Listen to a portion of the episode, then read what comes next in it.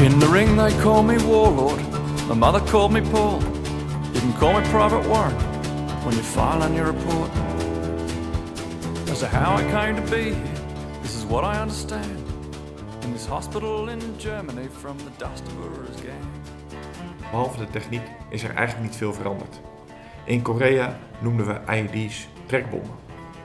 Ooit liep Bill tijdens de patrouilles voorop met een twijgje tussen zijn duim en wijsvinger om visdraden waar de booby-traps aan vast zaten te vinden voordat ze afgingen.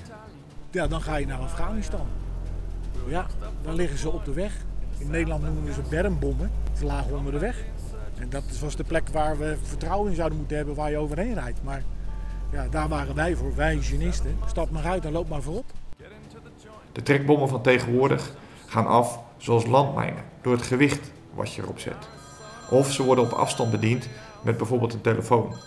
In het ergste geval ben je slachtoffer van een zelfmoordaanslag. De verkenner met het twijgje in Korea is daarom vervangen door genisten met moderne apparatuur. Bill waarschuwde ons, vlak voor ons vertrek naar Uruzgan, voor de bermbommen. Kortweg, zei hij, moet je bij bermbommen met alles wat die mallotige coyote kan verzinnen om een roodrunner in de val te laten lopen, rekening houden. Ja, dat doet zeker wat, eh, dat doet wat met je. Ja. Het geluid van de landmacht. Aflevering 4. People terrorize. Search. Het is niet de vraag of het gebeurt, maar wanneer het gebeurt. De dreiging is vaak daar waar je, waar je naartoe geleid wordt. eh, waar je eigenlijk onbewust gebruik van gaat maken. Een, eh, een, een brug, een versmalling in de weg. We zijn eh, vroeg vertrokken en de opdracht eh, die we mee hebben gekregen is een eh, verkenning uitvoeren. De taak aan de genist en zijn groep is om dan ervoor te zorgen dat de weg vrij is. Vrij van eigenlijk alle dreigingen die hij onderweg zou kunnen eh, tegenkomen. Ehm, onderweg hebben we intel gekregen dat er bij de Wanov Bridge een eh, ID zou liggen. En daar, eh daar stapten we dan uit met onze, onze geniegroep. De kerels die prepareerden hun gereedschap, hè, de, de metaaldetectoren. Ja, wij konden niks zien. Ehm, de jongens van mij die, eh, liepen er eh, praktisch overheen. Ja, dan ga je aan het werk. Eentje links, eentje rechts van het spoor en ter breedte van de voertuigen ga je dan nog op zoek. En je ligt dan eh, met je snuffer boven een anti-tankmijn van, van 6 kilogram. Temperaturen 40, 45 graden. Ja, dan, eh, dan eh, komt er wel wat meer spanning bij. En dat was ik duidelijk te zien aan het gezicht van, eh, van die sergeant. Ja, en vanaf het moment dat je de poort uitgaat, sta je open voor alles. Wat, wat wij als chinist doen is, is dusdanig intensief.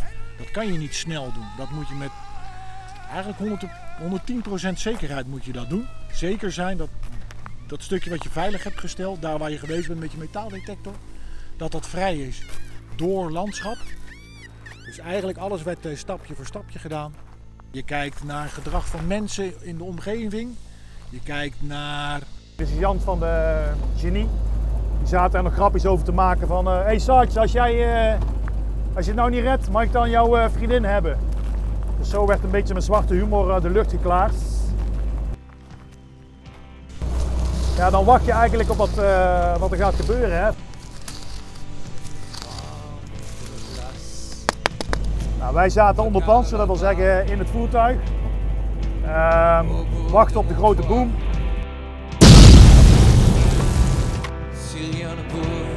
Als we iets verder waren gereden dan. le eh.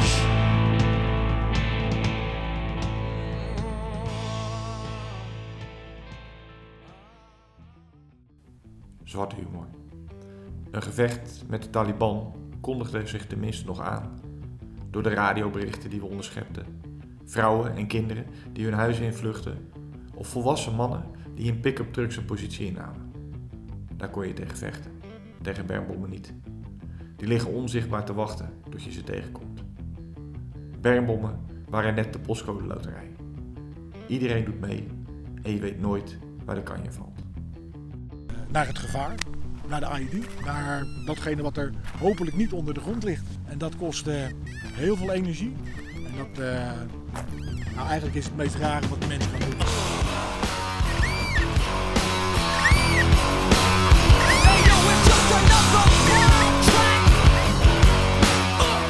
Een van de incidenten onderweg eh, die, ik, die we in mijn tijd hebben gehad, is een, een collega die een, een gevonden heeft. Ja, op de goede manier, op de veilige manier. En door omstandigheden die ik niet ken, eh, is hij toch afgegaan. Ja, als je geluk hebt, dan vind je hem. Eh, maar ja, het is natuurlijk een, eh, een, een, een, een wedloop vanuit de Taliban-richting vandaan. Ik herinner me een van mijn eerste patrouilles, waarin ik de voorste IPR bestuur. We zijn net halverwege en staan stil.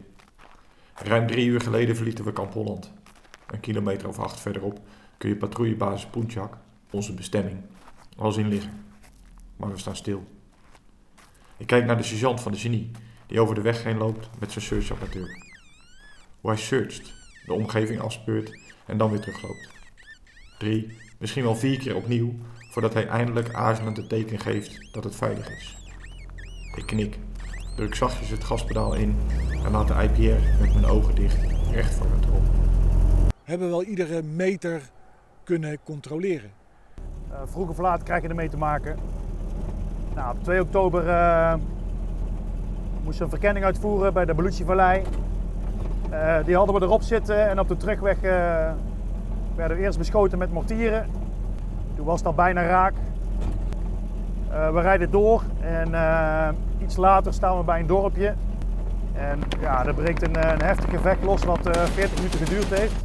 Ja, vervolgens geef ik opdracht aan mijn chauffeur om ons voertuig verderop te zetten bij een heuvel, omdat ik de Taliban eigenlijk wilde afsnijden.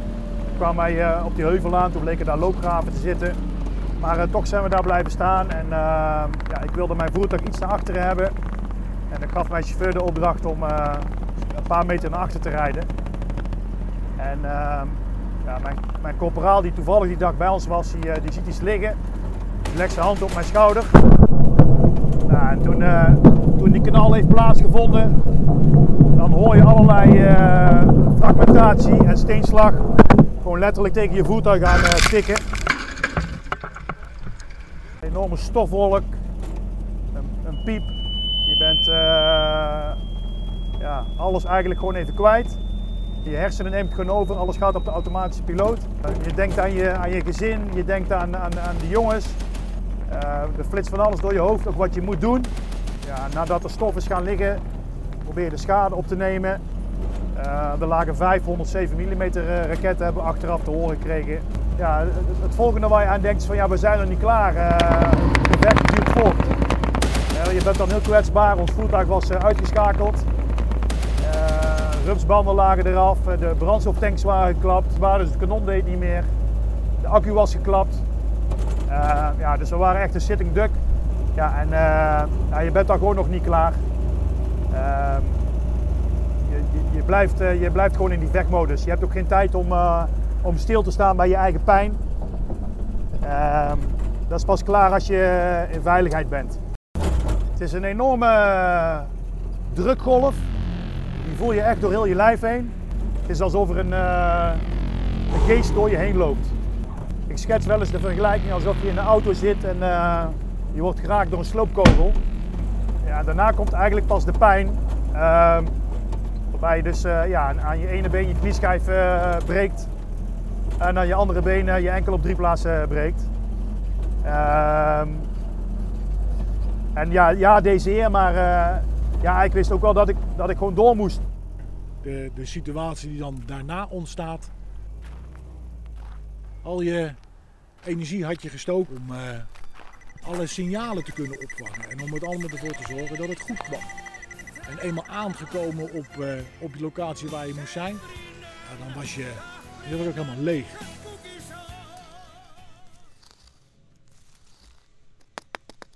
Ja, en dan ging je dezelfde route weer terug. De Taliban had natuurlijk de, de, gezien waar we langs reden. Ja, dat doet zeker wat, uh, dat doet wat met je. Ja. Waarbij mensen toen niet gewond zijn geraakt. Het voertuig was wel totaal los. Maar toch altijd de angst, spanning, dat, er, uh, dat je iets gemist hebt. eh, een, een incident toch plaats zou kunnen vinden. En, en wanneer laat hij dat pas los? Toen ik op eh, Schiphol uitstapte. Punt. But the Taliban are ruthless, keep the people terrorized. With roadside bombs and hangings and leaving letters in the night. And they have no useful vision for the children of this land. But to keep them praying on their knees in the dust of Ur's gang. Voordat we na onze missie op Schiphol landen, slapen we eerst een paar nachten in een hotel op Kreta om te kunnen acclimatiseren. Voor de meesten onder ons een synoniem om voor het eerst in maanden ongegeneerd dronken te worden.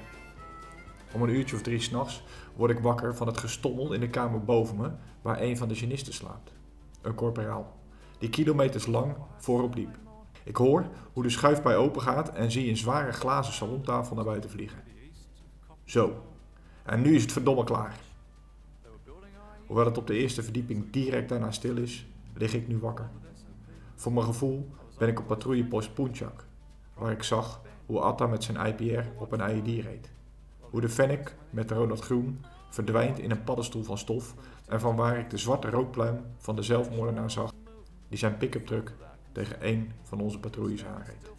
Ja, dat doet zeker wat, eh, dat doet wat met je. Ja. Kicked a small AP mine, and everything went black. I woke up on the gurney, flat out on my back. Had to ask him seven times just to get the facts. I lived to tell this story through a simple twist of fate. The main charge lay 10 feet away from the pressure plate. See, the mine was linked by debt cord to a big charge laid by hand, hidden under Benny by the dust of Ur's gang. I was a Queensland champ toe boxer. Now I look south of my knee. Now all I see is bed sheets where my right foot used to be. Benny's dead and buried underneath Australian sand. But his spirit's out there wandering through the dust. Through the dust of Ura's gang.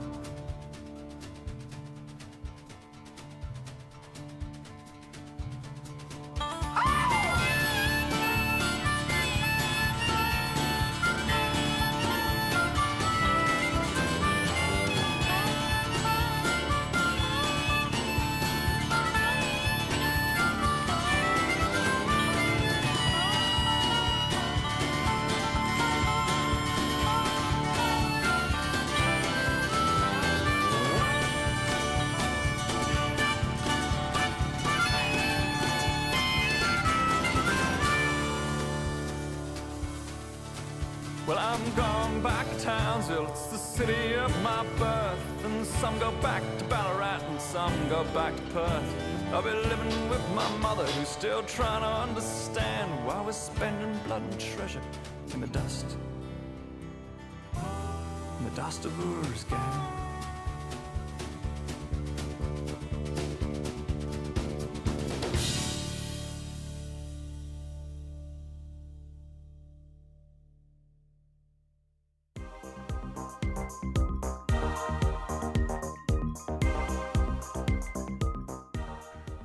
Luiduit Landmacht is een Niels Roelen productie.